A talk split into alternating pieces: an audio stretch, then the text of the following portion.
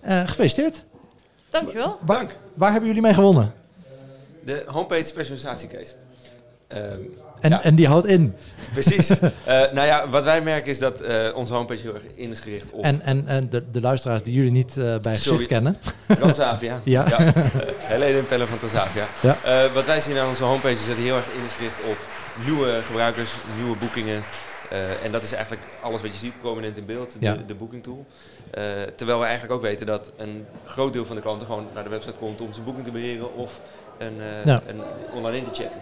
Dus we, daar, daar moeten we iets mee.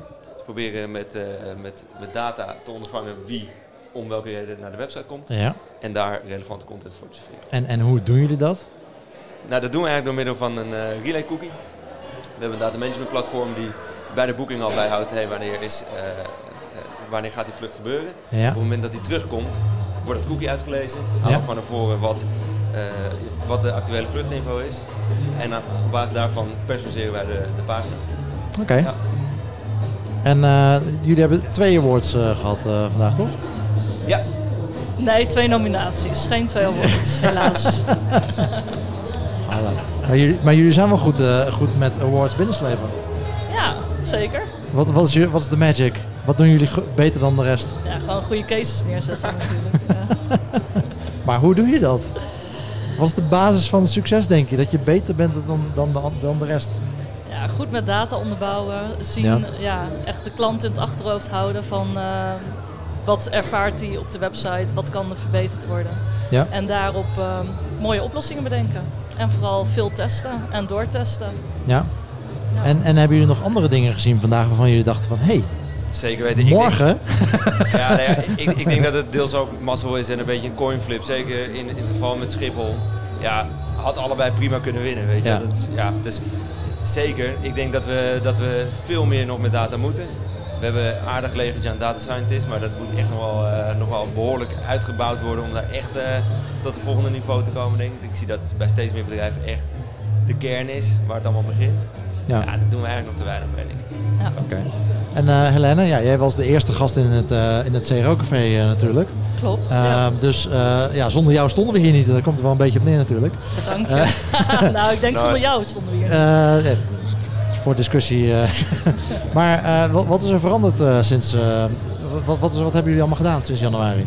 Sinds januari zijn we ja, vooral veel bezig geweest met eh soort van personalisatiecases. Ja. Ehm, ja, we zijn druk bezig met eh, ja, op alle momenten in de klantreis relevant te zijn. Ehm, dus er is ook bijvoorbeeld een case, die hadden we ook ingestuurd, helaas niet genomineerd.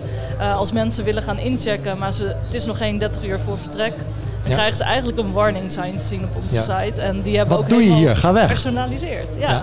ja. die hebben we echt eh, opgeleukt met een afbeelding van de bestemming waar ze heen gaan. Een aftelletje tot wanneer ze kunnen inchecken. Ja. En ook daar tonen we eh, relevante ja, ancillaries, dus eh, bijverkopen zoals een stoel of nog ruim bagage, maar ook van third parties. ja.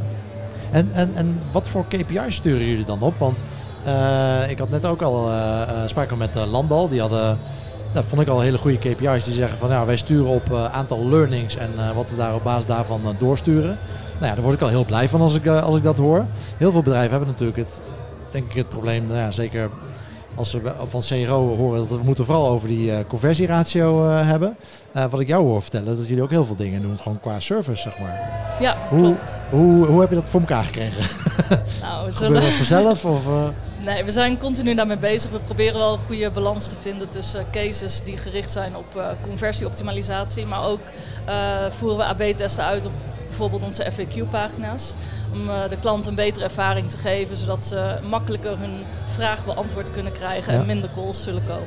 Oké, en dan eh, eh, meet je ook het aantal calls, zeg maar, die eh, Ehm, dan hopelijk minder worden? Helaas lukt dat op dit moment nog niet. Ja, dat is wel Ehm, lastig hè, om die te koppelen. Ja, klopt. Maar binnenkort gaan we dat testen door middel van verschillende telefoonnummers bijvoorbeeld. Oh ja, Zodat we echt kunnen achterhalen wie uit welke test komt. Ja? Ja. ja. En ehm, nou, wat staat er op het programma voor de komende twaalf maanden? Vooral veel doorgaan met eh, personaliseren, want Ja. er valt nog een hoop te, te winnen. Ja. En eh, we willen heel graag recommendation modellen live gaan zetten. Oké. En waar moeten we dan aan denken? Waar, waar gaan jullie die uh, modellen op live zetten?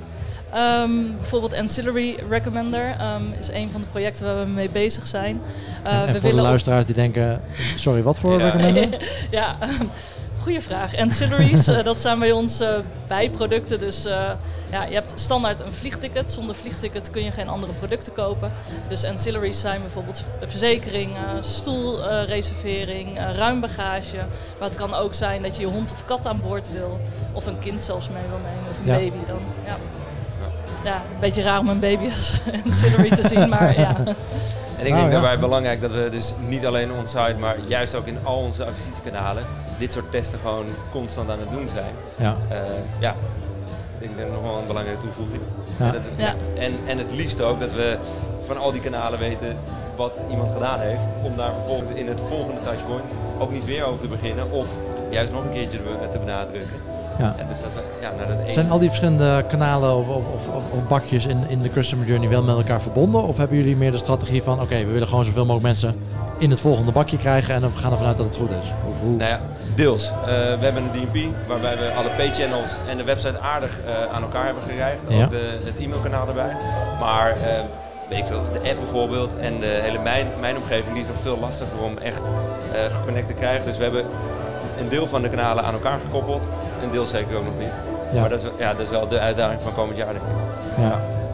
Een uitdaging waar heel veel bedrijven mee uh, zitten, Juist, volgens mij. Ja, ja, ja. dit, is niet, uh, dit is niet iets wat alleen bij ons speelt. Nee, nee, nee, nee precies. Dat, dat, die hoor ik vaker, zeg maar, als we überhaupt al met personalisatie uh, en dat soort dingen bezig zijn natuurlijk. Dat is al een uitdaging. Maar ja, als ik, als ik iedereen moet geloven, dan heel veel bedrijven die er wel mee bezig zijn. We hadden laatst met Adidas over personalisatie. En uh, nou ja, Martin van Kranenburg die roept uh, personalisatie uh, bij elke punt en komma natuurlijk. Als hij de kans krijgt, dan gaan we het daarover ja, hebben. Het is wel echt een buzzword, hè, de personalisatie. Ja, wat, wat is het nou eigenlijk? En, ja. ja. het kan heel simpel. Je kan, je kan zeggen, hallo Guido. Precies. Ja. ja. dan heb je al gepersonaliseerd. Ja, ja. Uh, voor ons is het uh, best wel makkelijk om te personaliseren op basis van de reis die eraan gaat komen. Ja. Uh, ja iedereen die naar Barcelona gaat, kunnen we een Barcelona afbeelding laten zien of wat dan ook. Dus ja, dat is eigenlijk een makkelijke manier van personaliseren, meer segmenteren wellicht. Maar ja, als je relevant kunt zijn op die manier, dan. Uh, ja. Nou ja, je, je, kan het doen, maar ik denk dat heel veel bedrijven dat uh, prima kunnen doen. Maar dat doen ze niet omdat ze niet op die service gericht zijn. Ze, zijn, ze, ze zitten nog heel erg op, gefocust op die verkoop. Um, en uh, ja, ik bedoel, in e-commerce kun je dat ook prima doen, natuurlijk personaliseren in, in dingen na de aankoop. Maar ja, moet je wel een management hebben dat daarvoor open staat. Zeker. En dat daar uh, idee heeft van oké, hier kunnen we. Maar meten jullie bijvoorbeeld ook lifetime value of NPS of, of dat soort hippe. Nou, we, we, hebben het teruggebracht naar customer year value. Customer uh, year value. Het was altijd customer lifetime value, maar dat is super moeilijk te berekenen. Zeker als je bedenkt dat iemand bij ons één keer in de twee jaar een boeking komt doen. Uh, dus we, we, hebben hem teruggebracht naar customer year value, omdat we zien dat customer lifetime value uiteindelijk uh, de, ja, de optelsom van service en, en ook natuurlijk sales, sales is. En daar kan je hem heel mooi bij elkaar brengen. maar om het een beetje behapbaar te houden, is het customer year value geworden ja, dan, dan, Kunnen, dan, kunnen, we echt concreet ook wat over zeggen. Ja, precies. Dat soort dingen, dat zijn wel super lastige uh, use cases natuurlijk. Uh, grote uitdagingen, helemaal met personaliseren. Want ja. daar heb je wel data voor nodig. Dus dan moeten mensen vaak wel eerst een aankoop doen voordat je iets van ze weet, zeg maar. Uh, kan natuurlijk ook wel voor, maar het, wordt wel, het is wel lastig. Ja. en ja, heel veel. We, we hebben ook vanavond met uh, Bruinzeel gesproken. Ja, een uh, nieuwe keuken, dat doe je niet, uh, waarschijnlijk niet elke vijf jaar zeg maar. Dus uh, nee. dat, dat is een uitdaging. Ja, ja, ja, ja, die uitdaging daar is nog veel groter dan bij ons. ja, eens. Maar ik denk, ik denk dat we met zo'n customer year value in ieder geval iets behapbaars hebben. Customer, customer lifetime value klinkt al heel snel van, nou we horen het over een paar jaar wel. Ja. en nu hebben we in ieder geval nog voor onszelf de, de boel in, onder controle op die manier. Ja. ja. Maar, Kijken jullie ook wel eens naar, naar de de feedback die klanten hebben op, op het product zelf. Dus de reis, zeg maar. Neem, nemen jullie dat wel eens mee? Of wat voor... Zeker, we hebben een, uh, een, uh, ja, een NPS-model eigenlijk zelf een beetje gecreëerd. Zullen we zelf ook gaan schreeuwen? Of, ja. Hallo. ja. Gaat het ook? Um, ja. Nou, we hebben op 25 touchpoints in de, in de klantreis. Ja. vragen, we, vragen we aan het eind van de klantreis nu uit over die punten van hoe vond je het? Uh, dat is nogal lastig om na terugkomst van je, van je vakantie te vertellen hoe je boekingservaring was. Ja. Dus we gaan dat nu veel meer op het moment zelf uitvragen. Hoe, weet ik zelf niet, dat is bij ons Customer Experience team. Ja. Eh, maar dan gaan we echt op het moment zelf de feedback uitvragen, zodat we nog veel meer kunnen vertellen over het specifieke moment in die journey. Ja. Cool. Ja, Ik eh, zou zeggen, eh, laten we een eh, feestje gaan vieren. Absoluut. Goed plan. Dank jullie wel. Yes. Ja, Bye bye. dankjewel.